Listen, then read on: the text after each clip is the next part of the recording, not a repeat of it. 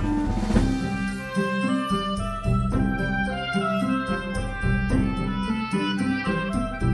Welkom beste luisteraars bij weer een nieuwe kleine boodschap. Welkom bij eh, eindelijk weer eens een, eh, een aflevering vol reacties van luisteraars. Ja, we komen er gewoon niet aan toe hè, tijdens de nieuwsafleveringen. Nee, zelfs eh, de coronacrisis zorgt er niet voor dat onze nieuwsafleveringen korter worden. Eerder langer misschien wel.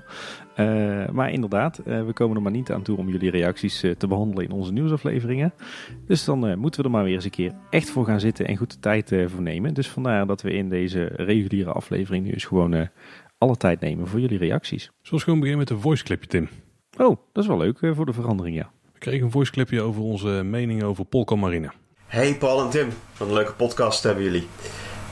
Mijn naam is Benny Monen, ik ben abonnementshouder en ik heb sinds eh, recent heb ik jullie podcast pas, eh, pas ontdekt.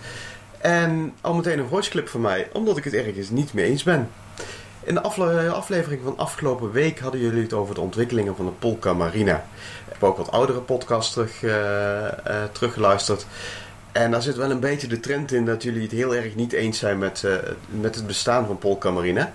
En daar wil ik even een tegenluid geluid op laten horen. Want ik vind dat Polka Marina een hele belangrijke functie vervult. En ik zou het jammer vinden als die zomaar verdwijnt. En daar heb ik het niet specifiek over een doelgroep die deze speciale ride, of dat het zo'n unieke historische ride is. Daar doe ik niet over. Maar ik bedoel over de kinetics, of de beweging die de Polka Marina aan het Ruigrijk toevoegt. Even eh, beginnen over kinetics. En ik weet dat Tim er eh, ook al een paar keer in het verleden naar heeft gerefereerd. Kinetics is de beweging in het landschap die een bepaalde attractie eh, toe, eh, eh, toebrengt. En als je de Disney-documentaire Disney Imagineers hebt, gekeken. En als je die nog niet hebt gekeken trouwens en je volgt deze podcast, dan wil je die zeker even gezien hebben. Hij is echt geweldig. Als je wil weten wat beweging eh, toevoegt, moet je voorstellen dat je op een ochtend bij de Efteling aankomt op de parkeerstraat. En links in je ooghoek zie je de stoomtrein zie je al aankomen. De, de beweging van, van die stoomtrein geeft je al meteen het gevoel van... Goh, ja, ik ben er weer. En dat bedoel ik met kinetics beweging. En de Polka Marina heeft in het Ruigrijk eigenlijk ook die functie. Als je op het Ruigrijk staat en je kijkt om je heen, dan heb je laag in het beeld. Heb je de beweging van de wagentjes van de oude Tuffer en de stoomtrein op de achtergrond. In het midden van je zichtbeeld heb je de Polka Marina. En als je dan wat meer omhoog kijkt, dan zie je daar de halve maan en de Python met aan de horizon de Joris. Als de Polka Marina wegvalt, dan heb je in het middendeel van dat beeld ben je kwijt. Dus er mist gewoon iets. Als de Polka Marina weggaat, dan hoop ik dat daar toch wel iets in verandering in komt. En ik eh, denk daarbij bijvoorbeeld in een ride die de naam Babyfluke of UFOjet heeft. Disney heeft een aantal van deze rides staan. En in het Disney Park heten ze Jumbo de Vliegende Olifant. Of de Orbitron naast de Space Mountain. En in Studios Park staat dan de, de Aladdin eh, vliegende tapijten eh, eh, ride. Terwijl die laatste wat minder goed voorbeeld is in deze. Omdat die een beetje dit hoekje is. Ik denk dat een dergelijke vliegtuigattractie een goede vervanging zal zijn voor de Polka Marina. Zodat er nog wel iets in het middengebied qua kinetics te zien is. En een dergelijke ride heeft natuurlijk ook een ruime capaciteit, wat voor de Efteling ook belangrijk is. Nu moet ik toegeven, eigenlijk had ik een dergelijke ride, een dergelijke vliegtuigride graag in Efteling gezien, maar eerder op het Harthofplein. Want het Harthofplein is een beetje een leeg, nutteloos, verloren pleintje waar nu een worstenhok bij is gepland. Maar verder ja, doet het plein een beetje niks. En de Pardoespromenade heeft natuurlijk ontzettend weinig aan kinetics. En als je daar aan het einde van het Harthofplein daar zo'n zo'n ride had staan. En dan denk ik een beetje aan een ride waarbij je je fantasievaders eh, zelf omhoog en omlaag kan laten gaan. Zodat hij ook nog een beetje een tie-in heeft met het kasteeltje. Dan zou dat mooi, mooi staan. Dus eigenlijk het liefste had ik die ride op het Harthof gestaan. Maar als de Polka Marina weggaat, dan zou ik dat vanwege de beweging en kinetics in het Ruigrijk ontzettend jammer vinden. En mijn vraag is eigenlijk, hoe denken jullie hierover? Ja, Polka Marina moet blijven vanwege het kinetische effect.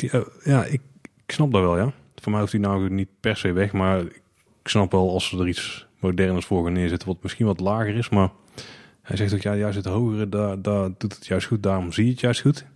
Ja, Tim, wat vind jij ervan? Want jij bent de, de meest hardne- hardnekkige Polka Marina. Nou, hater mag ik het niet noemen, denk ik van jou. Maar Nee, nee, nou, nou, nou verdraai je me woorden. Nou ja, eh, voor, voordat, we, voordat ik daar antwoord op ga, ge- eh, ga geven, ik zal nog even een mailtje voorlezen wat we eh, ook nog binnenkregen van ongeveer diezelfde strekking. En dat mailtje eh, gaat als volgt. Ik luisterde door al het coronagedoe weer eens een podcast van jullie. Daarin werd de mogelijke sloop van Polka Marina besproken. Nu dacht ik, waarom slopen als je ook kunt verplaatsen? Max en Morris beslaat veel minder ruimte dan de Bob. Ideaal voor een invul. Als je de Polka Marina daar nu neerzet, met aansluiting op het plein met de Witte Walvis, Matroos Gijs en het andere kraampje waarvan ik de naam even niet meer weet. Ik denk het Silent Vergat. eh, heb je een perfect klein themagebiedje. En dan tussen de Polka en Max en Moritz een mooie groenstrook, zodat de attracties niet clashen. Krijgt de spookslot ook wat extra klandizie, andere meer attracties. En het is een ideale plek voor families. Hm. Goeie mail ook. En we kregen zelfs nog een vraag van Eftel Nieuws op Instagram. eh, Met ook een beetje dezelfde, eh, de, de- dezelfde vraag. Eh, want die vraagt welke attractie in de Efteling vraagt om groot onderhoud of sloop. Dus ja, het leeft wel onder, onze luisteraars, de toekomst van Polka Marina. Het is niet zo dat ik eh, nou echt iets tegen Polka Marina heb. Ik vind Polka Marina op zich een hele leuke invul nog en ik doe hem graag met mijn dochters. Het is natuurlijk ook een van de, de attracties die wat dat betreft voor alle leeftijden geschikt is, voor de allerkleinste kleintjes. Dus hij hoeft van mij niet per se weg. Alleen ja, goed, in de Efteling is natuurlijk maar beperkt ruimte beschikbaar. Eh, en als je eh, niet het hele park vol wil bouwen en niet alle bomen wilt kappen en, en je wil ook binnen je bebouwingspercentage blijven, eh, zeker zolang je niet mag uitbreiden, ja, dan moet je op een gegeven moment toch ook gaan overwegen om bestaande attracties of echt te pimpen, of toch ervoor te kiezen om ze te slopen en te vervangen door iets nieuws. Ja, en wat mij betreft zijn er dan niet heel veel plekken in de Efteling waarvan ik echt zeg van nou, die vind ik echt niet meer Efteling waardig. Er zijn er eigenlijk een paar. Eh, en dat is ja, toch Polka Marina. Eh, maar ook bijvoorbeeld Kleuterhof. En eh, misschien over een jaar of tien ook wel alsnog Fabula. Maar goed, als ik dan even kijk naar Polka Marina. Ja, wat mij betreft is dat geen Efteling-waardige attractie meer. Thema rammelt natuurlijk aan alle kanten. Zo'n grote lelijke walvis midden in je park. Eh, het past ook niet meer op die locatie qua thema. Eh, de attractie zelf is, is een hoop staal en beton. En eh, je staat... je moet een hoop trappen af, af en op. En je staat in zo'n vies benauwd donker gangetje. En die bootjes die rammelen wat. En ja, wat mij betreft is het gewoon geen Efteling-waardige attractie meer. noem je het nou een lelijke walvis? Daar is er misschien niet heel goed bij, maar echt lelijk is hij toch niet? nou, ik vind, hij is zo cartoony. Ik vind het in 2020 echt niet meer in de wereld van de Efteling passen hoor. Ja, ik vind het meest bezwaarlijke nog wel net die trappen en daar, daar stukje daaronderin. Daar, daar heb je wel echt het idee van ik ben even backstage en ik sta hier gewoon te wachten. dit, kan, dit kan toch echt niet meer? Kijk, het is een leuke attractie, maar qua, qua verschijningsvorm en qua, qua uitstraling en qua esthetiek, het, het kan toch niet meer? Ja, ja, delen ervan die kunnen nog steeds wel denk ik. Alleen dan moeten ze het wel even gewoon een keer goed opknappen. Ik denk dat dat niet meer gaat gebeuren. Dus eh, die, die, ja, als ze er iets mee gaan doen, ik ben er niet per se rouwig om. Maar ik vind Polka Marine op zich wel gewoon een, eh huh, toch wel een tof ding. Buiten alle nadelen die er wel aan kleven, want die zijn er wel zeker. Ik moet zeggen dat ik dat ideetje van een uitgebreider eh, Witte Walvisplein niet zo heel erg verkeerd vind per se. Dus daar zou op zich nog wel een klein attractietje bij kunnen, ja. Ja. Maar dat is misschien wel een beetje een onsamenhangend pleintje dan. Ik, ik zou daar qua ruimte en qua groen ook niet, eh, niet echt meer plek weten te vinden voor een invul. Maar in de basis ben ik wel voor eh, meer invuls in de Efteling. Nou, ik zat er meer te denken aan een, eh, een uitlopertje op de plek waar dat verhoogde terrasje zat. Mhm. Eh, dat je met een paardje naar een attractie daar, ja, die dan hopelijk weer een Oh, terugkeer ja. in het groen of zo ligt. En dat je dan een klein uitgangetje hebt met een pleintje ervoor waar je nog kunt zitten en je ijsje kunt eten die je net bij eh, de Witte Walvis hebt gekocht. Zoiets. Dat is eigenlijk wel een goed idee. Dat is een prima locatie, lijkt mij. Oh, Volgens mij was het ook een beetje de strekking inderdaad van het ehm, bij Max en Moritz verdwenen in groen. Dus eh zou nog wel kunnen, ja. Maar dan heb je gewoon een plein met een kleine attractie en een uitgang van een andere attractie. Ja, dat was het dan. ja. ja, echt een klein invulletje dan. Eh overigens, zou dat ook mijn insteek zijn bij Polka Marina hoor. Ik zou zeggen eh, slopen en eh, zet er dan een andere invul voor terug. Gewoon iets leuks uit de catalogus van zo'n Perla of zo. En giet er dan een, een mooi Efteling sausje overheen. Ik denk dat er bijvoorbeeld in Tivoli Gardens, maar ook in de Jardin d'Acclimatation in Parijs, dat daar hele mooie voorbeelden staan van eh, nieuwerwetse invulattracties die heel fraai zijn gethematiseerd. Dus ik denk dat het ook prima zou passen in Efteling. En dan even snel terugkomen op uw vraag van Eftel Nieuws. Welke attractie eh, vraagt om groot onderhoud of sloop? Ik denk eigenlijk dat mijn lijstje vergelijkbaar zou zijn met die van jou, Tim. Zou het heiligschennis zijn als ik zeg dat Python ook wel binnen een jaar of tien niet per se van mij ermee zou hoeven staan. En Carnaval Festival misschien ook niet. Uh, Python ben ik mee je eens. Die zou ik uh, over 30 jaar niet, niet nog een keer herbouwen vanwege iconische waarde of zo. Ja, Carnaval Festival is toch wel een beetje... Die heeft wel echt nostalgische, iconische waarde, toch? Ook wel een beetje de guilty pleasure van het park. Ja, daar is guilty, maar niet echt per se een pleasure. Maar, ik, heb, ik ben er denk ik gewoon te vaak in geweest dankzij kids. Maar een beetje afkeer tegengekregen. Ja, ja bij, mij is dat juist de reden, denk ik, om te handhaven. Ja, ik moet zeggen, ik, ik ben helemaal niet zo, uh, zo negatief over het attractieaanbod van de Efteling. Ik, ja, ik kom echt niet veel verder dan Polka Marina, Kleuterhof en uh, Fabula. Alhoewel ik denk dat Fabula best wel weer tien jaar mee kan. Maar goed, daarna moet dat uh, lelijke gebouw daar echt wel een keer weg. Ja, en verder qua groot onderhoud, ja goed, daar hebben we het natuurlijk al vaker over gehad. Hè. Je zou de Vliegende Hollander natuurlijk uh, flink kunnen, kunnen pimpen om die, die potentie die het heeft er echt uit te halen. Je zou natuurlijk Vogelrok uh, zwaar kunnen thematiseren, dan zit je meer in zo'n richting te denken. Maar dat hoeft voor mij ook niet per se hoor. Als het over onderhoud hebt, misschien Piranha. Die brokkelt toch wel af links aan sommige muurtjes en zo. Ik denk dat dat niet echt de vraag van Efton Nieuws was. Ik bedoel, groot, wat onderhoud nodig heeft of niet, uh, dat is een heel ander verhaal. Ik denk dat Efton Nieuws meer erop doelde van uh, sloop of uh, een volledige restyle. Of een revamp, zoals het dan heet. Ja, en dan valt volgens mij de lijst van attracties wel mee, toch? Er zijn altijd wel een soort droombeelden bij bepaalde attracties, maar daar hebben we het redelijk recent al over gehad. Ja, dat is waar. Ik kreeg nog een berichtje van Pieter IJzinga via Facebook. Hij schrijft... Hey, kleine boodschap, wellicht een leuke tip. Het verkoopsteentje in de wachtrij van Droomvlucht. Wat vinden jullie daar nou van? Ik vind het heel verwarrend. Gasten weten vaak niet waarom de rij stilstaat en er gaat ontstaan. Gasten gaan over hek heen en er ontstaat verwarring. In de zomer heb ik dit al meerdere keren gezien en ervaren. Hij bedoelt natuurlijk die, die deuren die je eigenlijk ziet op een rustige dag als je dan de keuken doorkomt om de hoofdwachtrij in te stappen, zeg maar. Dan heb je recht voor je heb je zo'n dubbele deur die best wel zwaar gedecoreerd is. En die kan inderdaad op drukke dagen open. En dan zit daar een klein winkeltje achter. Ja, ik, ik heb het ook wel eens gezien inderdaad dat mensen niet echt helemaal snappen waarom nou iedereen in één keer stilstaat. Want zeker bij Droomlicht loopt die wachtrij lekker door. En als dan wel mensen wil gaan bestellen, dan staat hij in één keer stil. Ik, ik denk dat ze hiermee misschien beter een soort passeerstukje hadden kunnen maken of zo. Van je wil even kopen, dat is prima, maar laat even wel mensen voor. En ik denk de plek waar die zit is op zich ook wel bijzonder. Want als je daar iets koopt en je gaat er nou wachten, dan sta je misschien nog 10 minuten te wachten of zo. Dus je krijgt hem best wel laat in de wachtrij. Ik vind het ook een lastig onderwerp. Hoor. Ik denk dat het op zich best wel goed is in grotere wachtrijen waar je echt lang wacht eh, om daar iets van een verkooppuntje te hebben. Voor in ieder geval de basics, dus eh, wat, wat te drinken en een ijsje. Ja, hoe moet je dat dan doen? Uh, ik heb ook wel zitten te denken van werkt het niet veel beter als er gewoon een medewerker met uh, een, een, buiktas loopt met daarin wat ijs en drinken die met je mee kan lopen en een, uh, en een leren geldtas. Maar goed, hm. ik kan me voorstellen dat dat ook best wel zwaar wordt als die wachtrij heel druk en warm is en, en mensen willen van alles kopen en willen van alles van je. Dus ja, misschien dat zo'n winkeltje dan toch wel het handigste is. Maar ja, ook dat is inderdaad niet praktisch. Hè? Wat eigenlijk ideaal zou zijn is als mensen heel gedisciplineerd zouden zijn. Een beetje zoals uh, Britten of uh, Japanners.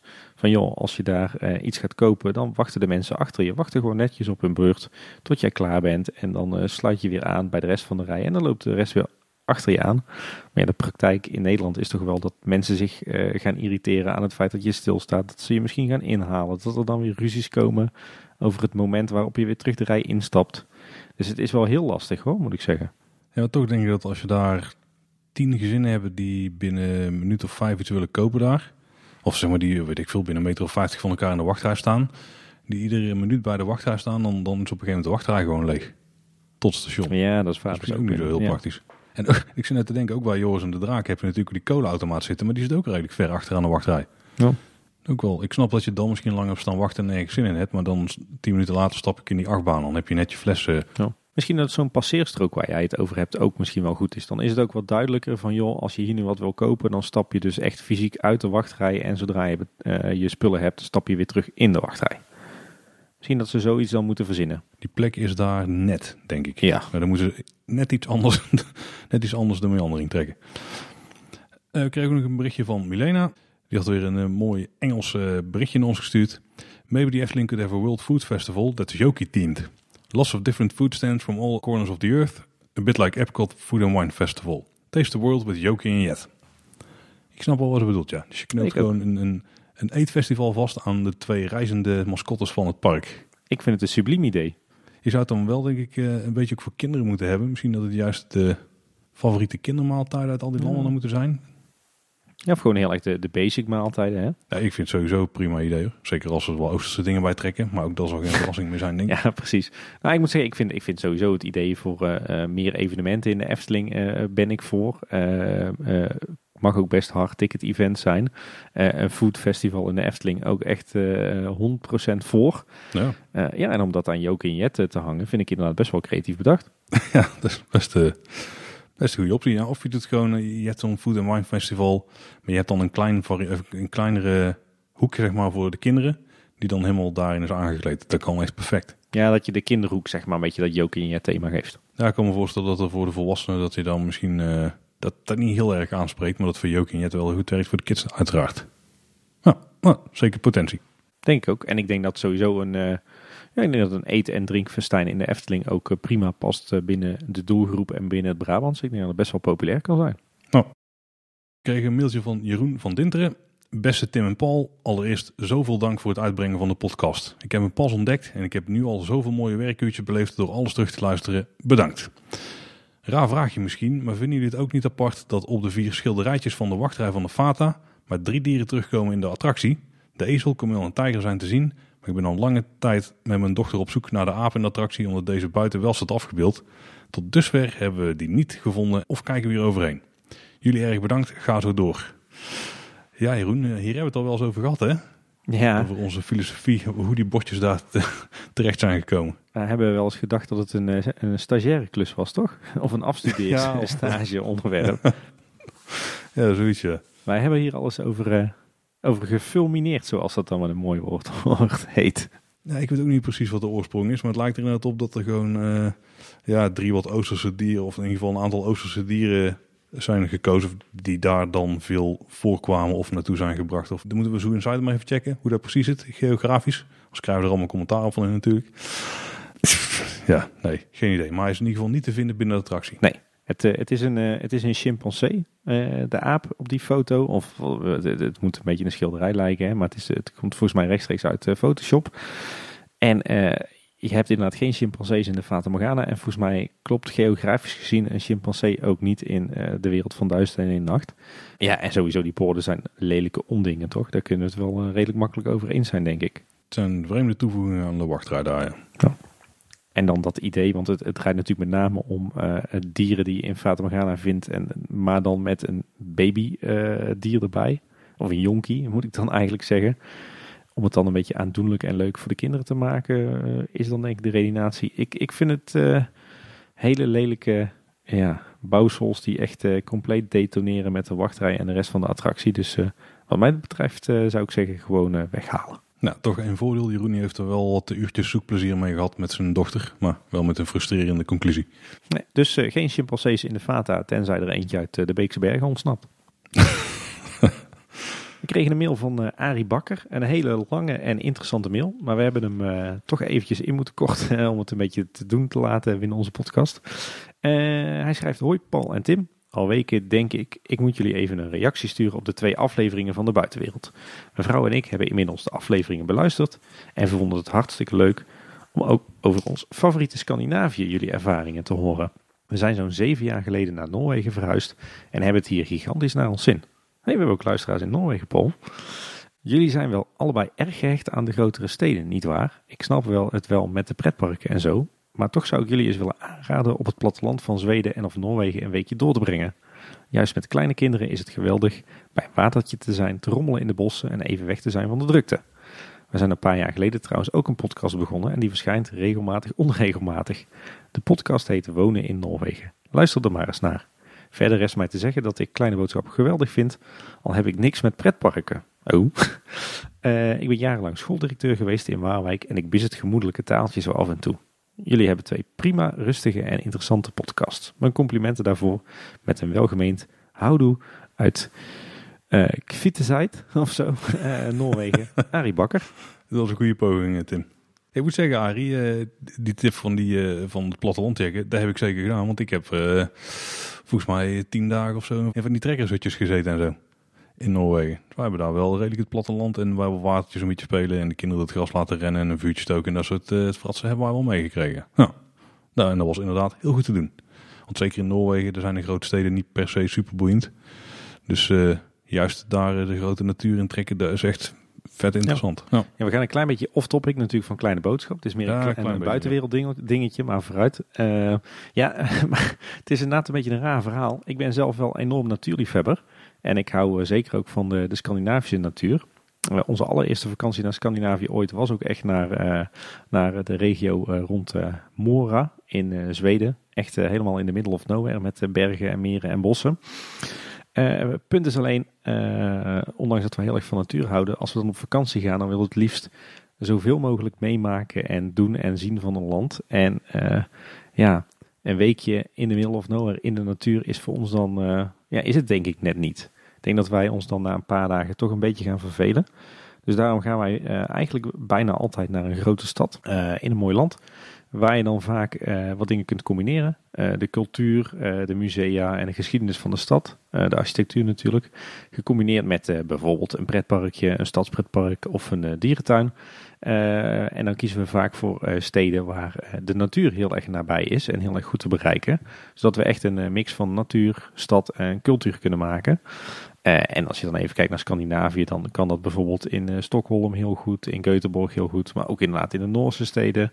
Uh, Helsinki is daar ook een prima voorbeeld van. Dus op zich is het niet zo dat ik grote steden verkies boven de natuur of zo. Maar op de een of andere manier, als we dan toch ergens naartoe gaan om een land te ontdekken, dan kan dat voor mijn gevoel nog beter in en rond een grotere stad dan dat je echt een week of twee weken in de middle of nowhere gaat zitten. Uh, maar goed, gelukkig uh, bijt het een het ander niet. Uh, zeker niet in Scandinavië, waar je schitterende steden midden in de natuur hebt. dus vandaar dat ik daar ook zoveel van houd en zo graag naartoe ga. Roadtrippen, Tim, dat is de oplossing. ja, is ook een optie, ja. ook niet echt mijn ding. Maar goed, ieder, ieder zo zijn ding, toch? Klein stukje buitenwereld in kleine boodschap. Ja. We kregen een mailtje van Lars Beukenkamp. Hi, ik verzamel plattegronden. En dus ook die van de Efteling. Regelmatig neem ik de moeite om de plattegronden te bestuderen en er vielen mij een aantal dingen op. Op de plattegrond van 2002, in het 50-jarig jubileumboek, kloppen heel veel dingen niet. Waaronder het Sprookjesbos, wat een grote spaghetti is op deze plattegrond, de toiletten rechts van de hoofdingang in de vorm van een Aquanura-vijver. Ik weet dat Henny Knoet deze plattegronden getekend heeft, maar waarom hebben ze deze niet kloppende plattegronden zo lang gebruikt? En daarnaast viel me op dat bij de moderne plattegronden, heel subtiel trouwens, het contrast en de tint van de bomen ieder seizoen verandert. Valt jullie dit ook op? En als laatste nog een ideetje, een aflevering over alle subtiele details op de plattegrond. Alvast bedankt voor een antwoord en ga vooral zo door. Groeten Lars. Ja, een paar vragen zitten erin Tim. Dus even kijken we een stuk stuk kunnen aftikken. Waarom hebben ze die niet kloppende plattegrond zo lang gebruikt? Ja, nou ja, eigenlijk is een betere vraag is uh, waarom is de wel kloppende plattegrond er gekomen op een gegeven moment? Um, dat was eigenlijk vrij recent inderdaad. Uh, en die had, dat had één belangrijke aanleiding, namelijk dat de Efteling begon met een app uh, waarin een digitale plattegrond kwam te zitten, uh, waar jij door middel van GPS kon zien waar je was. Dus die plattegrond die moest wel 100% kloppen. En eigenlijk tot dat moment was de plattegrond vooral een, ja, een tekening van Henny Knoet inderdaad. die prima voldeed, ondanks dat er weinig van klopte. Maar dat was eigenlijk gewoon ja, een fantasietekening, hè? een fantasieplattegrond. Dus, dus, ja, het is met name juist uh, de, de omschakeling naar de Efteling-app en de noodzaak uh, voor een echt kloppende plattegrond geweest. Die ze heeft toen besluiten om uiteindelijk die plattegrond wel te vervangen. Dus dat is een, heel belangrijk moment geweest uh, in de geschiedenis van de Efteling-plattegrond. Ja, dus waarom hebben ze die niet kloppende plattegrond zo lang gebruikt? Eigenlijk omdat het gewoon geen reet uitmaakte op dat moment. Ja, heel duidelijk. En hij vroeg ook dat het contrast en de tint van de bomen ieder seizoen verandert. Het is me wel opgevallen uiteraard dat dit in de winter verandert, want dan maken ze die bomen allemaal aangevroren blauw of zo. In de herfst en de lente hebben we er niet echt goed op gelet dan, denk ik. Nee, ik durf het ook zo 1, 2, 3 niet te zeggen. In de herfst kan ik me voorstellen dat er allemaal herfstkleuren in zitten. Zeker. Maar sowieso, uh, de zomer- en winterverschil is heel duidelijk. Daar moeten we dan eens wat beter op gaan letten. Uh, en als laatste nog een ideetje, een aflevering over alle subtiele details op de plattegrond. Hmm, Tim? Ja, wij hebben ooit al eens een soort van uh, plattegrondaflevering gemaakt. Aflevering over uh, de plattegrond van 1991. Uh, daarin gaan we eigenlijk op een soort van virtuele wandeling door de Efteling, zoals die erbij lag in 91. Maar ja, we bespreken daar ook best wel aardig wat dingen al over die plattegrond, toch? Ja, ook die, die inderdaad die spaghetti brei van de Sprookjesbos hebben we daarin aangehaald. ja. Maar ik kan me wel voorstellen, als je de, de huidige plattegrond kijkt, ja, het, hij is super gedetailleerd, maar het mooie da daardoor is eigenlijk dat alle dingen die er in detail op staan, die vind je ook gewoon in het park. Ja. Kleine zeiltjes, hoekjes, gijsjes, dat soort dingen, die, die staan er allemaal gewoon op. Dus uh, ja, eigenlijk als we de details van de plattegrond gaan bespreken, uh, die zijn inderdaad subtiel, maar er zijn ook gewoon de dingen die in het park staan. Misschien op wat vliegende vogels na en een uitstekende nek van langnek of zo, maar de huidige plattegrond wat dat betreft niet zo heel erg uh, ja, spannend eigenlijk hè. Nee, die is vooral heel levensecht. Ik denk als je het dan echt hebt over verborgen details, kom je toch weer bij die oude plattegronden van uh, Henny Kunt uit. Ja, daar zitten ze meer in. Dus luister zeker onze aflevering over uh, de plattegrond van 1991. Die, uh, die vind je wel terug als je een beetje googelt. Ja, en misschien dat we ooit nog wel eens zo'n aflevering gaan maken. Hè? Dat was op zich best wel leuk om te doen toen. Ik ben trouwens wel heel benieuwd, Lars. Je schrijft dat je plattegronden verzamelt. Ik ben wel heel benieuwd wat je daaronder verstaat. Je schrijft dus ook die van de Efteling. Ik ben benieuwd wat je nog meer aan de plattegrond uh, verzamelt. Laat ons dat uh, zeker eens even weten. Ik kreeg nog een mailtje van Jordi Rodriguez. Die had ons al eerder benaderd. Hè. Die had een uh, goed plan voor de droptorentjes met de kop van je thema. hoi boodschappers, dankjewel voor het brengen van mijn idee over de kop van je droptorentjes. Nu zag ik vandaag weer iets van, ja, eigenlijk zou het wel door jeugdsentiment zijn. Maar misschien is het ook wel een, iets wat een plekje in de Efteling zou mogen krijgen. En het is nog internationaal ook. Vandaag is namelijk Sesamstraat 50 jaar geworden in Nederland pas uitgezonden vanaf 1976. Nu hoor ik jullie zeggen, joh, je bent niet goed. Sesamstraat een plekje in de Efteling. Maar dat zeiden ze in de jaren 80 van Carnaval Festival was het ook. En zeg nou zelf, wie is er niet groot mee geworden? Of vinden jullie dit te commercieel? In de vorm van een laan ergens niet opvallend of een leuke dark ride met animatronics? Ook naar Bas en Adriaan zou voor mij een kleine, leuke, niet opvallende verwijzing mogen zitten in het nieuwe circus thema. Of een snack met de naam Dommelse bal gehakt of iets in die richting. Ja, oké. Okay, dus een paar ideetjes. Uh, Sesamstraat in de Efteling. Tim? Uh, nee. Ik, ik, denk ook meteen nee. Ze hebben dit overigens wel uh, gedaan in Portaventura volgens mij. Daar heb je nu ook een Sesamstraat ja, klopt, themagebied als ik het goed heb. Ja. dus daar kun je even gaan kijken. Maar ik denk dat het voor de Efteling ja, dat het te plat is. Zeg maar. Ja, dat bedoel ik gewoon echt fysiek te plat. Als, zoals ik me dat voorstel is daar precies wat ik dan niet zo tof vond aan Warner Brothers World bijvoorbeeld. En dan met een beetje van die fluffy karakters die niet echt in de Efteling passen. Ja. En ja, je hebt gelijk, Carnaval Festival net nog aangehaald. Die vonden we in de jaren 80 waarschijnlijk ook maar vreemd. Tenminste, wij zijn daar dus wel mee opgegroeid. Dus vandaar dat er bij ons misschien wat anders zit. Maar ik... Ja... Ik zie het persoonlijk niet echt zitten. Weet je wat het is? Uh, misschien als er een, uh, een second gate bij de Efteling zou komen met een uh, echt een afwijkend kernthema. Hè, dan, dan zou het misschien nog een optie zijn. Uh, dan zou je kun, ervoor kunnen kiezen om zo'n second gate als thema te geven, uh, typisch Nederlandse IP. En daar zou uh, Sesamstraat misschien in passen. Alhoewel, Sesamstraat is natuurlijk niet typisch Nederlands. Deels eigenlijk, hè? Ja, er zijn wel veel mensen groot mee geworden. Daar heeft hij dan zeker gelijk in, ja. Nou ja, Bassie en Adriaan zouden natuurlijk prima uh, in passen. Jip en Janneke. En natuurlijk een heleboel andere IP van Annie M.G. Smit. Maar goed, zo is er natuurlijk nog veel meer typisch Nederlandse IP. maar dat zie ik dan eerder in een soort second gate-achtig park. Een soort studiospark bij de Efteling. Ja, misschien nergens ver weg in uh, Friesland of zo. Niks van wat je net ja, zegt, dat, dat, trekt mij op een manier. Nee, nee, ik zou ook zeggen, als ik een top 5 zou moeten maken met ideeën voor een second gate bij de Efteling, dan zou deze ook ergens onderaan hangen, hoor, moet ik zeggen. Ja, buiten de top 5. Ja, misschien nog buiten, de, buiten die top 5 ook nog, ja.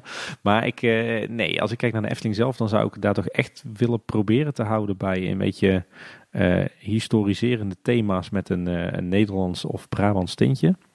En ja, nee, niet bij dit soort IP's. Dat lijkt me veel te veel afwijken van wat de Efteling nu wil zijn. Je vraagt nog wel, vinden jullie het commercieel? Dat vind ik op zich niet. Ik denk als je gewoon een, een IP zou hebben wat erbij past, en dan kan dat best.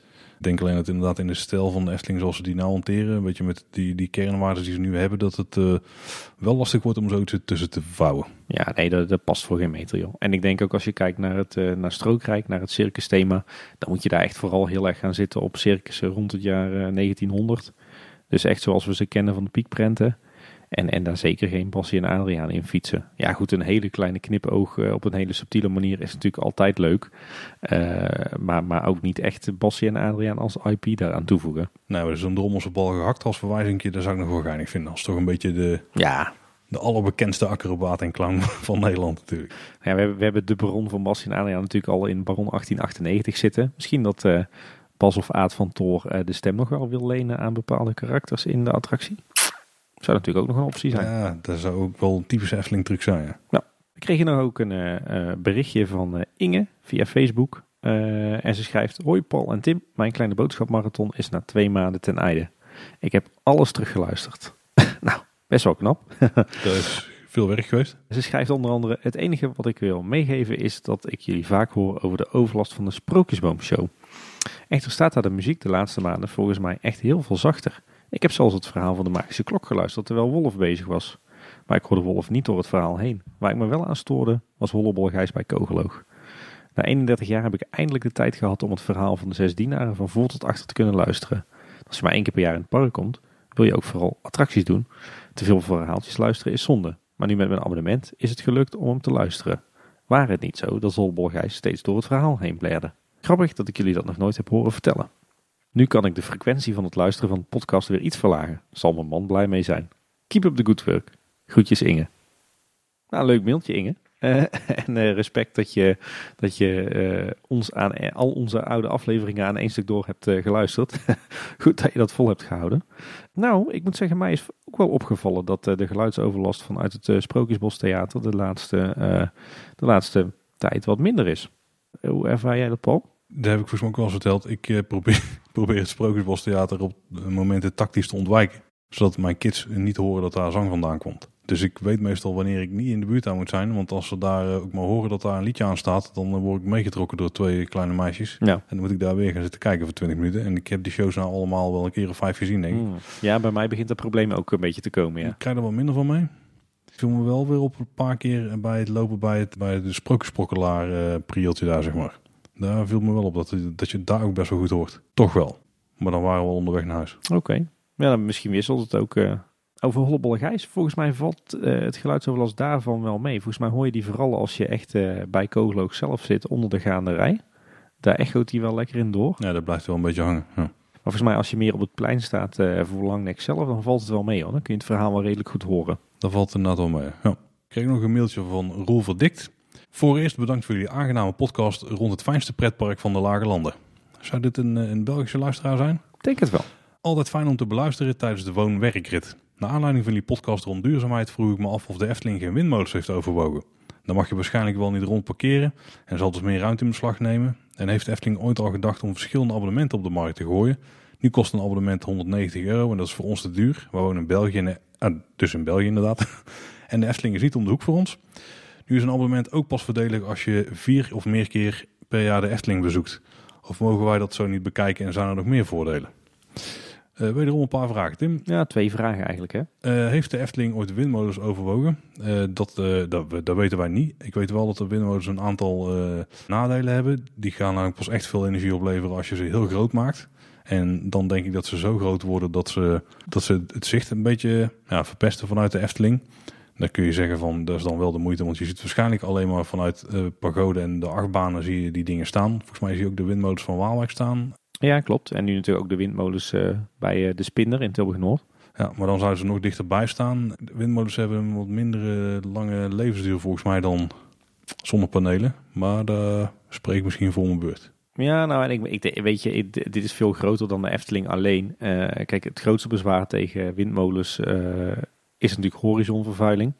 Dat speelt minder op de echt afgelegen gebieden, hè, waar je nu ook steeds meer windmolens ziet verrijzen. Denk aan op zee, Denk aan uh, de echte afgelegen landbouwgebieden of ja, van die stukjes zoals inderdaad een oude vuilstort of, of een haven, waar ze dan bij ons in onze omgeving staan. Maar windmolens midden in een gebied met, met dorpjes, met, met natuur, ja, dat gaat hem echt niet worden. Dat krijg je er nooit doorheen. Dus ik denk dat de haalbaarheid van windmolens rond de Efteling, dat die vrijwel nul is. Nee, en de Efteling heeft als grote voordeel dat op het moment dat het warm is en dus veel zon is, dat de zonnepanelen dan veel energie kunnen leveren. En dan zijn er toevallig ook altijd veel mensen. Dan matcht het gewoon heel goed met de, met de type bedrijf wat de Efteling is, zeg maar. Dus daar heel logisch, denk ik. En over andere abonnementtypes. Ja, de Efteling heeft al wat geëxperimenteerd. Zo was het lange tijd zo dat je een winter Efteling abonnement en een zomer Efteling abonnement had. Heeft nog heel lang geduurd uh, tot je zeg maar echt een jaar rond abonnement had.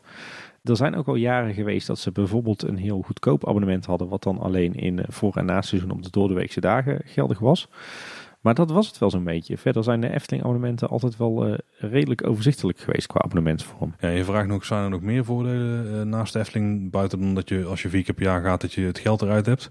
Eh, er zijn een paar kleine voordelen en er is één heel groot voordeel. Kleine voordelen zijn dat je dus een klein beetje korting krijgt op eten en drinken en souvenirs. En op sommige momenten krijg je wel meer korting op souvenirs. Maar ik denk dat het grootste voordeel is, en daar moet je dan wel heel bewust gebruik van gaan maken, maar dat je ook andere parken gratis of met flinke korting in mag. En dat kan wel heel interessant zijn, zeker als je in België woont. Dat geldt bijvoorbeeld voor Paradise en ook de Plopsa parken. In Frankrijk kun je ook een aantal parken gratis bezoeken, maar bijvoorbeeld ook Europa Park. Dus afhankelijk van waar je in België woont, dan zit je er ook alweer wat dichterbij dan in Nederland. Fantasialand, uh, Liseberg. Ja, zeker als je bijvoorbeeld naar Italië of zo op vakantie gaat, dan rijden we waarschijnlijk toch langs. En dan kun je eventueel Holiday Park doen met korting en Europa Park gratis. Dus dat zijn wel hele grote voordelen als je daar gebruik van kan maken. Want dan, ja. Eh, ja, dan kun je wel vier keer naar de Efteling gaan, maar je kunt bijvoorbeeld ook drie keer naar de Efteling gaan en twee keer gebruik maken van die kortingen. En dan heb je het, uh, het voordeel er ook uit. Ja, inderdaad. Ik kreeg een mailtje van Rick Willems. Hallo, kleine boodschap. Afgelopen zaterdag ben ik met een OV-fietsje van station Tilburg naar de Efteling gefietst. Lekker begin van de dag. Nog wel een verbeterpuntje voor de route naar de Efteling. Vanaf de Ringbaan Westrotonde heb ik de fietswegwijzers Efteling gevolgd. Waarschijnlijk dachten ze dat alleen toeristen deze bordjes zouden volgen, dus het is ook een toeristische route geworden. Je steekt drie keer de N261 over, Eén gaat via Loon op Zand, 12,5 kilometer. Uh, en op de terugweg heb ik de zogenaamde snelfietsroute gevolgd. Deze was aanzienlijk korter, 10,2 kilometer. Dus voor de ambtenaar die in het kasteel van Don Roosje woont, wordt wakker. Rick, je weet dat ik ook een ambtenaar ben, hè? Maar goed, uh, hij uh, geeft nog wat, uh, wat tips. dan zegt hij dan nog even terugkomen op de snelfietsroute. Kan vele malen beter. Ik had een mooi stuk strak asfalt verwacht. Je krijgt een lappendeken van hobbelig asfalt en klinkerweggetjes. Als je gelukt hebt, want op sommige stukken ontbreekt het fietspad compleet. Daar kan je maar beter met daglicht vertrekken uit de Efteling, want aan straatverlichting doen ze niet. Ze zijn dan ook nog niet klaar, maar er is nog een hoop te doen. Groetjes, Rick. Nou Rick, inderdaad, dat is ook een beetje het, het hele issue. Uh, ze zijn nog steeds niet klaar met de snelfietsroute. Integendeel, er liggen eigenlijk pas een paar stukjes die echt af zijn. En, en zelfs daar is bijvoorbeeld de verlichting en de beboording nog allemaal tijdelijk. dus het is echt nog werk in uitvoering. Dat komt ook omdat het op grondgebied van drie verschillende gemeentes ligt. En de provincie bemoeit zich ermee. En het zijn allemaal lastige trajecten. Dus er moet inderdaad nog heel veel gebeuren voordat die snelfietsroute klaar is. En dan nog even over hoe je naar de Efteling fietst vanuit Tilburg. Je hebt inderdaad in de basis twee wegen. Uh, je kunt of uh, de snelste route pakken via de waterzuivering, uh, zoals hier het jargon is in de regio. Dat is een hele snelle route, maar die is ook wat, wat onveiliger, wat donkerder en erg onaantrekkelijk. En je hebt de route via het dorpje Loon op Zand. Dan moet je inderdaad vaker de N261 kruisen en ben je langer bezig. Maar dat is aan de andere kant wel een veel mooiere, groenere en prettigere route om te fietsen. Dus uh, ja, het is maar net uh, voor elk wat wils. Ik kreeg ook nog een mailtje van Chris van Amersfoort. Hallo Tim en Paul. Ik had een vraag over aflevering 125. Het gaat over nog een project wat niet gerealiseerd is. Het gaat om Volutarium, dat de samenwerking zou zijn met Europa Park. En uiteindelijk bleek dat het duur te zijn. Een Flying Theater. Hoe denken jullie daarover? En of het in de toekomst eventueel nog bij de westelijke uitbreiding gerealiseerd zou kunnen worden? Groeten Chris van Amersfoort. Nou Chris, ik denk dat bij die westelijke uitbreiding dat een, een Flying Theater attractie dat die best wel voor de hand ligt eigenlijk voor de Efteling. Qua oppervlakte is het niet een enorm grote plek die je nodig hebt. Het is steeds wel groter dan je zou verwachten, denk ik trouwens. Maar je zou er ook een redelijke dark ride in kunnen bouwen. Maar het is vooral een attractietype wat ze nog niet hebben. En uh, ik heb inmiddels in Abu Dhabi heb ik er eentje gedaan die dan niet van het type was dat je over natuurgebieden heen vloog. En daar werkt hij eigenlijk best wel goed. Dus ik zie de Efteling nou niet echt een, een flying over Brabant... Uh, of Soaring over Brabant variant of zo maken. Maar wel iets waar misschien wel meer thema zit, wel meer verhaal. Uh, wat weer gesteund op of leunt op een of andere mythe of een, een volksverhaal. Of iets wat verder reikt dan dat. Misschien zelfs wel iets in de wereld van symbolica. Ik denk dat dat best wel zou kunnen werken. Ja, ja. ja. ik ben eigenlijk ook wel voor een Flying Theater in de Efteling. Of uh, inderdaad in de westelijke uitbreiding. Maar het zou wat mij betreft ook prima passen in het, uh, het huidige park. En eh, eh, ik ben het wel eens, Paul, met jou. Het hoeft zeker niet per se een vliegsimulator te zijn met beelden van uh, Brabant. Maar je zou het natuurlijk ook prima kunnen combineren met de illusie van het vliegen. want de Flying Theater zou natuurlijk best kunnen draaien rond heksen of draken of andere vliegende mythische wezens. Witte wieven, noem maar aan de wachtstraat. Ik denk dat dat prima past binnen, ja, binnen de wereld van de Efteling.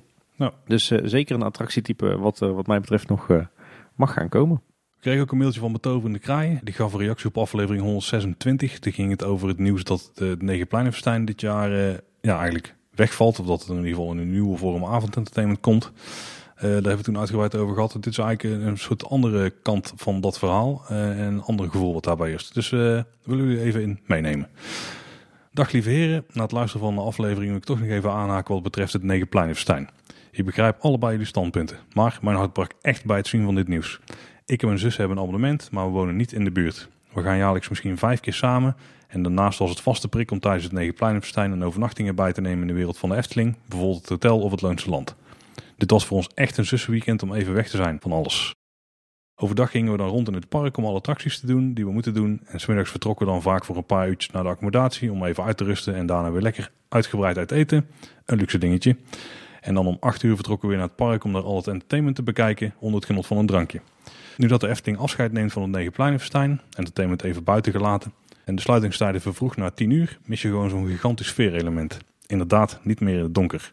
Niet meer dat gouden moment dat er merendeels volwassenen rondlopen en het park rustiger wordt. Niet meer dat zwoelen wat de zomeravond kan hebben. En geen zomeraquanoeren meer in het echte donker. Ik vind niets heerlijkers dan in het donker nog een rondje doen door het Sprookjesbos en over de dubbele laan alle verlichting te zien hangen in de bomen. Het heeft allemaal zoiets feerieks wat je gewoon niet kan gaan behalen voor 10 uur. Dat is doodzonde. En ik voel me dan ook een beetje bestolen van deze ervaring. Plus dat ze het voor verblijfsgasten ook niet meer aantrekkelijk maken. Na het eten voor een paar uur het park in is gewoon minder nu. Natuurlijk heb je tijdens de winter Efteling genoeg donkere uurtjes, maar dat is zoals Tim zegt toch anders. Ik ben het met Paul wel eens dat de Efteling het hier niet bij gaat laten. En ik hoop stiekem, nou ja, ik zeg het gewoon hardop, dat de midzomer terug gaat komen. Misschien zelfs nog een tweetal speciale avonden. Maak het desnoods hard ticket events van. Staan was over de datum en er moest echt een frisse wind doorheen. Maar dit lijkt toch meer op een klamme scheet. Dankjewel. Heren, ik laat het hierbij. Keep up the good work en ik ben benieuwd naar jullie komende afleveringen. Groetjes, Betover de Kraai. Hele mooie mail, uh, Betover de Kraai. En uh, het grappige is dat alles wat je beschrijft over wat er nou zo fijn is aan uh, zomeravonden in Efteling, dat het ook is denk ik hoe wij onze zomeravonden beleven. Dan gaat het nog niet eens over optredens van artiesten of over attracties, maar vooral over lekker eten en drinken, een terrasje, de Efteling in het donker zien, de zonsondergang en vooral de pracht van het park. Ja, ik ben het helemaal met je eens. En uh, ja, dit sluit ook uh, helemaal aan bij wat ik ga missen aan zomeravonden in Efteling. Niet specifiek inderdaad Negenpleinenfestijn, want dat, dat mocht inderdaad wel eens vernieuwd worden. Maar ja, laten we hopen dat we er sfeervolle zomeravonden voor terug krijgen. En dat we toch de Efteling nog eens in het donker kunnen gaan meemaken in de zomer. ja, en jouw suggestie om het midzomernacht terug te brengen, daar kan ik het alleen maar hardgrondig mee eens zijn. en hardticket events, ja, daar ben ik ook voor. Dus ik schaar mij helemaal achter jouw betoog. We vragen wel als luisteraars van heb je nog een idee van een aflevering of een onderwerp wat je besproken wil hebben? Laat ons weten. Nou, we hebben er een gekregen Tim, van Zoo Eftelfreak. Misschien een idee voor een nieuwe aflevering. Te vroeg bij de Efteling. Ik ben er om kwart voor negen en ik kom er net achter dat de Efteling pas om 11 uur open gaat. Oei. In ieder geval wat ja. jammer joh. Ja. Kunnen we daar een hele aflevering van maken? Ik denk het niet, maar ik denk dat we daar wel even kort wat, uh, wat tips voor kunnen geven, toch? Er zijn wel een paar tips, ja. Dus ik kan wel aftrappen met eentje. Als je niet zoveel proviant bij hebt, loop even naar de Albert Heijn. Er is een klein wandelingetje van maximaal 10 minuten, denk ik. Die is altijd open. Die is volgens mij vanaf 8 uur open. Ja? Dus kun je daar op je gemak al je boodschappen halen en dan uh, heel je rugzak vol stampen. En dan bespaar je overdag weer een beetje tijd met naar, naar alle horecapuntjes lopen. En dan dood je de tijd ook wel echt, hè? want je bent best wel even aan het lopen naar de Albert Heijn uh, in de Gasthuisstraat in Kaatsheuvel. Uh, en daar kan je ook wel even wat, wat tijd besteden. Uh, je kan daar trouwens ook eventueel nog in het guesthouse hotel, wat daarnaast en naar boven zit, kan je volgens mij ook nog wel even een bakje koffie halen of zo. Hè? Ja, zeker. Ja. Oh. En zo eventueel ook nog naar Bosrijk kunnen lopen. Ik weet niet of je een bakje koffie kunt krijgen trouwens tijdens de ontbijttijden. En misschien als het wel rustiger is. Nee, dat is trouwens wel tricky hè? Ja. Misschien niet de allerbeste tip, maar dat is in ieder geval wel een fijne omgeving om even een rondje te doen. Ja, je kan het een rondje Bosrijk doen, je kan een rondje Loonse Land doen natuurlijk. Wij hebben ook twee audiotours gemaakt die je bijvoorbeeld ook zou kunnen luisteren als je daar dan bent. Uh, want dan word je door ons een beetje rondgeleid door die twee vakantieparken.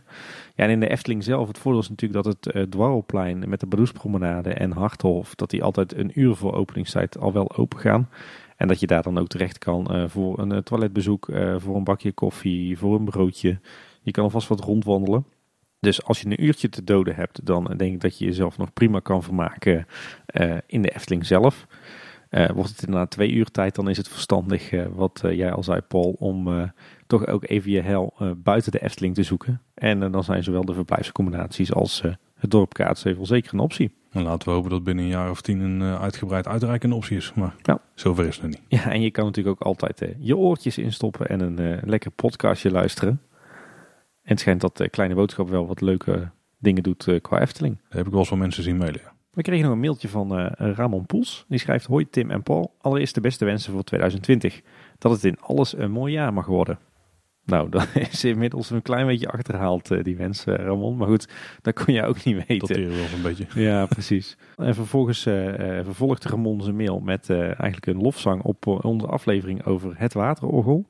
Maar vervolgens zegt hij, nu we het toch over ter ziele gegane zaken hebben. Welk onderdeel van de Efteling zouden jullie graag, hoe klein ook, eens één keer in het echt willen bekijken? Mocht er een teletijdmachine bestaan. Voor mij is dat de originele nachtegaal. Ik weet dat het niet heel speciaal is, maar dat is wel een kleine guilty pleasure van me. Ten meer omdat het muurtje en de tak van vroeger nog steeds bestaan op deze plek. Eh, iedere keer dat ik er langs loop, roept dat de vraag op: hoe zou het origineel eruit hebben gezien? Hebben jullie er ook zo één? Ga zo door. Ik geniet iedere week weer met volle teugen. Groetjes, Ramon. Hm. Ja, Paul, waar, waar willen wij terug naartoe als we een teletijdmachine hebben in de Efteling? Mag ik twee dingen noemen? Voor mij wel. Ik denk dat ik wel naar Fatima gaan zou willen in het openingsjaar. Dat eh, alle animatronics dan ook in volle glorie eh, staan te bewegen, zeg maar. En dan kan ik dus ook zien, zoals eh, we eerder al hoorden van Carlo, dat dan de kalieven een beetje aftakelen naarmate die, die verder in de, in de rit zit, zeg maar. Daar ben ik dan wel heel benieuwd naar. Maar ik zou ook wel eens een keer de originele langnek willen zien. Met de ontzettend le- lelijke hoofd. Wat ik eh, regelmatig heb zien langskomen op hele oude zwart-wit foto's en zo. Want ik verbaas me er zo over dat ze die tekening van Piek op die manier hebben uitgewerkt. Ik, we hebben wel eens met de carnavalsvereniging echt heel lang geleden een keer een, een Efteling wagen gemaakt. Nou, dat ding daar zag er echt niet uit. Ons langnekhoofd zat denk ik nog dichter in de buurt van de originele tekening van Anton Pieck dan degene die in de Efteling op dat moment stond. Dat was echt een wazig ding. Ja, klopt. Ik wil wel zien hoe dat er in het echt nou eh, uit had gezien. Maar goed punt. En jij? Ja, ik, eigenlijk hoef ik daar niet heel lang over na te denken. Ik zou heel graag eens rondlopen in de Efteling, zo eh, in de jaren 30 of 40. Voordat het echt Efteling werd, dus toen het nog eh, het Rooms-Katholieke eh, wandelpark was, te Kaatsheuvel. We hebben daar natuurlijk twee afleveringen over gemaakt, over dat stukje, dat onbekende stukje Efteling geschiedenis. Ik ben daar toen helemaal ingedoken, eh, daar vele avonden aan gespendeerd. Eh, dus daar ben ik best wel gefascineerd door geraakt. En ik zou gewoon heel graag door eh, ja, echt de voorloper van de Efteling wandelen. Dus een vraag was een, een onderdeel van de Efteling. Dus heb je dan nog een specifieke plek waar je dan in die periode wel zou willen kijken? Misschien de speeltuin. Maar eigenlijk, eigenlijk wil ik gewoon lekker door, die, door de hele Efteling. In, nou, pak een beetje, laten we 1938 zeggen of zo. Gewoon de Efteling in 1938. Lijkt me tof. Oké. Ik kreeg ook een mailtje van Thomas. Hoi Paul en Tim. Allereerst mijn complimenten voor de prachtige podcast die jullie maken. Als luisteraar van het eerste uur is het altijd genieten om op de maandagochtend weer een verse aflevering voorgeschoteld te krijgen. Ik heb een vraag. In de making-of van een Vliegende Hollander wordt gezegd dat er bij het bouw klaarmaken van het terrein een oude eik is verplaatst. Weten jullie waar deze boom nu staat? Ik meen me te herinneren dat jullie ooit hebben genoemd dat een van de oudste bomen van de Efteling vlakbij Fata Morgana staat. Zou dit die boom kunnen zijn? Groetjes Thomas. Ik heb geen idee Tim, maar jij hebt daar wel eens iets mee te maken gehad hè? Ja, ik heb wel iets gedaan met de bouw van de Vliegende Hollander. Hè? Nee, ik kan je vraag wel beantwoorden. Eh, dat is niet eh, de oudste boom van de Efteling die bij de Fata Morgana staat. Want die stond er al eh, ruim voor die tijd. Nee, de betreffende eik die staat nu achter de horseshoe. Achter de horseshoe, oké. Dus niet in het duingebied, maar net daarachter. Die kun je dan ook een beetje zien vanaf de oude EHBO-post. Als je daar stiekem een beetje dat paadje op loopt. Ja, klopt inderdaad. Is verder geen hele bijzondere boom hoor. Is gewoon een oude eik. Hij is niet opvallend dik of groot of zo. Nee, nee, nee, nee. Ik moet zelf toegeven dat ik nog niet eens meer weet of dat hij er nog staat. Of dat hij eh, het overleefd heeft al die tijd. Of dat hij inmiddels het loodje heeft gelegd. Daar zou ik eens naar, eens naar moeten kijken. Maar we hebben hem toen de tijd eh, inderdaad versleept naar eh, ja, net achter de horseshoe eigenlijk. Oké. Dan kregen we een mailtje van Fenna van Dam. Paul en Tim. eh, jullie heren zijn legends voor mij. Samen met Marvin van Hoeven. Zo. Nou, Oké, legends. Dat is iets te veel eer. Legends of Minecraft, eer, dat is toch zo'n YouTube-serie van eh, de Efteling nou? Ja, dat is waar. Legends of Podcast. Ja, Fenna vraagt, eh, kan de Efteling een Rise of the Resistance permitteren als in een ride system? Pardoes of the Resistance tegen de Wolf of Hex met de, ride, met de ride systems van Rise of the Resistance. Zou de Efteling het geld hebben voor zo'n megaproject? Of het toch laten op 2021 Circus Balancé? Toch zie ik het qua project dat de Efteling eh, dit aan zich aandurft qua kosten met een kopie te komen van Rise of the Resistance. Geen gezeik van de buren, maar wel een miljard kosten aan techniek. Na vele technische vragen, hoe zien jullie dat? Mag in details hoe jullie denken over de Efteling en Rise of the Resistance. En wat zijn, zouden de kosten zijn om een Eftelingse variant van Rise neer te zetten? Uh, nou, ik kijk uit naar jullie antwoord in de podcast. Ja, goede vraag, Fenna. Nou, even in het algemeen, uh, miljard aan kosten was natuurlijk verdeeld over twee volledige landen. Waar dus vier grote attracties in zaten en nog het hele land en alle restaurants en winkels en al dat soort dingen. Ik denk als we grofweg moeten gokken wat die attractie zou kosten, dan denk ik een miljoen of 200 in Efteling, of in, Disney termen, misschien al 250 of zo. Maar daar hebben we het al wel vaker over gehad. Hè? Uh, ik denk je Mystic Manor zou je op zich wel kunnen afzetten tegen Symbolica qua uh, grootheid en investeringen. Misschien is Mystic Manor nog een tikje groter. Dan heb je vier uh, dingen die er doorheen rijden. Maar volgens mij was Mystic Manor qua budget ook vijf of zes keer zo groot. Dat weet ik even niet zo, Tim. Ik weet niet hoe duur Mystic Manor was, maar het zat wel boven de 100 miljoen, toch? 120 of zo? Ja. Geen idee, maar zoiets in die geest. De, de, de precieze kosten weet ik ook niet. Het ging in ieder geval over tientallen miljoenen, toch? Dus je kunt die niet helemaal vergelijken. Ik denk als de Efteling zou willen dat ze dit best zouden kunnen neerzetten. Uh, vraag is alleen van wat zouden ze daarmee winnen. Want um, ik weet niet precies hoe Rise of the Resistance is gebeurd. Maar ik denk dat hier gingen ze natuurlijk heel erg uit van thema. Ik denk dat ze toen even de brainstormen van hoe kunnen we dingen die je kunt meemaken in zo'n universum. Hoe kunnen we die hier ja, presenteren, zeg maar. Hoe kunnen we die hier uh, in zo'n park krijgen. En dan kom je een beetje neer op... Uh, of dan kom je uiteindelijk voor een deel denk ik uit op wat daar nu staat. En de Efteling zou wel zoiets moeten hebben. Dus om nou zeg maar wat daarbij zou passen qua thema. Vraag me af of dat Efteling het zo direct zou doen. Want wat ze bij Rise doen is wel een soort van... Ja, het is ook wel een soort prestigeproject geweest, denk ik. Zeg maar. Ik denk dat, dat ze ook daarom wel het op die schaal hebben opgezet. Dus het is deels thema, deels schaal. Ik denk ook dat, dat, dat daar een beetje de omgekeerde werkwijze was van de Efteling. Hè? Ik denk daar is op een gegeven moment gezegd, we gaan een Star Wars land bouwen. En we willen een, uh, echt een, een loei van een Star Wars attractie. En daarin willen we een verhaal gaan vertellen. En ik denk dat dat eerst de storyliner was en dat ze daar een transportsysteem bij zijn gaan zoeken. En waarschijnlijk kwamen ze gaandeweg erachter dat één transportsysteem te beperkend was. Dus hebben ze uiteindelijk gekozen voor een combinatie van een heel aantal transportsystemen en attractietypen. Om maar dat verhaal te vertellen. Uh, en dat is een methode van attracties ontwerpen en ontwikkelen. Die zie je vooral bij Disney en bij Universal. Maar in heel veel andere pretparken, waaronder toch ook de Efteling, uh, werkt het net even de andere kant op. Daar wordt gekeken welk attractietype willen we bouwen, waar hebben we behoefte aan, waar, heeft, uh, hebben onze bezoekers behoefte aan, uh, hoe ziet de doelgroep eruit. Dus er wordt eerst een attractietype gekozen, of een soort attractie, het hoeft niet meteen al per se een, echt een vastgelegd type te zijn, maar eerst een soort attractie en daar wordt een thema bij bedacht. En met die werkwijze uh, kom je natuurlijk zeker niet uit bij een Rise of the Resistance, wat een, een, ja, een, een soort vage combinatie is van allerlei transportsystemen om maar een verhaal te kunnen vertellen. Dus daarom zie ik dat zo'n zo'n combinatie niet snel in de Efteling terechtkomen. Ja, er, is, dus als we naar Rise kijken, want uh, even heel kort door die attractie lopen. Je hebt daar een uitgebreide wachtrij. Dan krijg je een voorshowtje in de voorshowruimte. Dan loop je weer verder naar een ander deel. Dan ga je in een soort uh, simulator staan die eigenlijk op een grote draaischijf staat. En die draait je heel uh, rustig naar een andere uitgang toe, zeg maar. En ondertussen krijg je een simulatievideo te zien op de schermen rondom het voertuig. Of die zitten volgens mij op het voertuig vast. Dan kom je in een grote hangar, waar er staan dan een aantal uh, stormtroopers klaar. En die, die ja, je bent dan gevangen genomen. En dan ga je weer naar een soort tussenshow, voorshow slash ding. Uh, weer een losse ruimte, daar word je dan uitgehaald. En dan word je in een ride vehicle gezet, waar je met acht man in een soort symbolica-achtig voertuig zit met een droid voorop.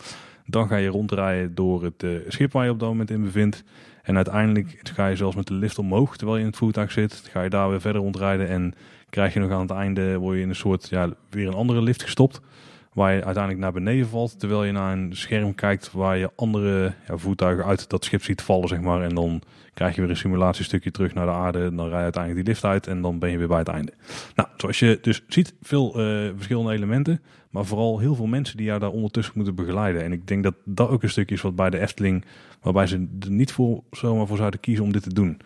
Dus ik, ik zie wel voor me dat we uh, bijvoorbeeld weer ooit een keer een uh, trackless systeem of zo hebben, waarbij je wel uh, ja, zo'n drop element hebt zo en zo'n lift en misschien een simulator stukje of zo. Al zou het dan wel moeten passen in een Efteling wereld. Maar ik denk dat dat wel te doen is.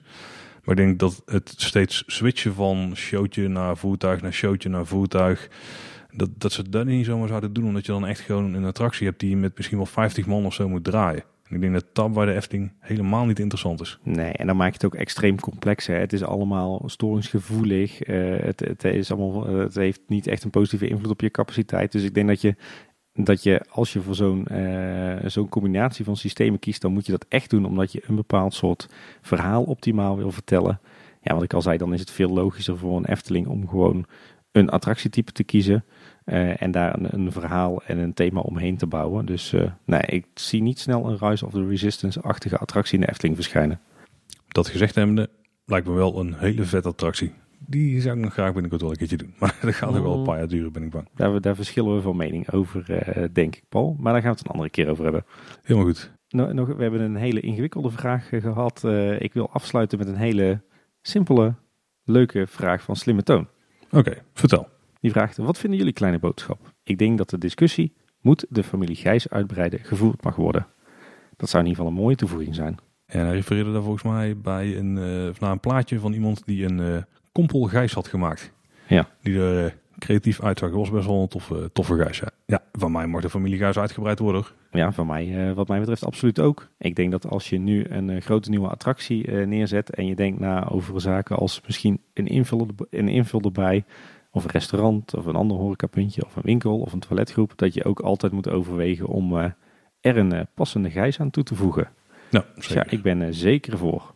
Ik denk niet dat er zomaar een overschot aan gijzen zou kunnen komen. Denk het ook niet. Tof idee. Ja, zeker. Dit zijn natuurlijk niet de enige reacties die we hebben gehad. We krijgen iedere week heel veel reacties. We proberen op de meeste ook snel te reageren. Um, maar we bewaren ook een aantal uh, reacties altijd. We hebben nog steeds nu in het draaiboek staan die we kunnen behandelen, Tim. Dus we kunnen gewoon nog een keer zo'n aflevering gaan maken. We kunnen weer uh, even vooruit, ja? Jazeker. Maar heb je dus feedback, heb je vragen, stuur die zeker naar ons toe. Uh, we lezen alles wat binnenkomt en we reageren op het meeste wat binnenkomt. af en toe lukt het niet, maar dan mag je ons er ook best aan herinneren trouwens. Nou, af en toe dan pikken ze eruit en dan stoppen ze in de aflevering. Ja, dan maken we zo'n uh, speciale aflevering zoals deze, waarin we dan weer uh, aardig wat reacties uh, af weten te tikken. En de meeste van jullie weten ons wel te vinden, gezien de hoeveelheid reacties die we dus krijgen. Maar we gaan het toch nog een keertje herhalen. Je kunt ons altijd mailen via info.kleineboodschap.com of je gaat gewoon naar de website en vult daar het contactformuliertje in. Dat is natuurlijk op kleineboodschap.com. Ja, we zijn ook bereikbaar via social media. dat is bijvoorbeeld Twitter, daar zijn we @kboodschap.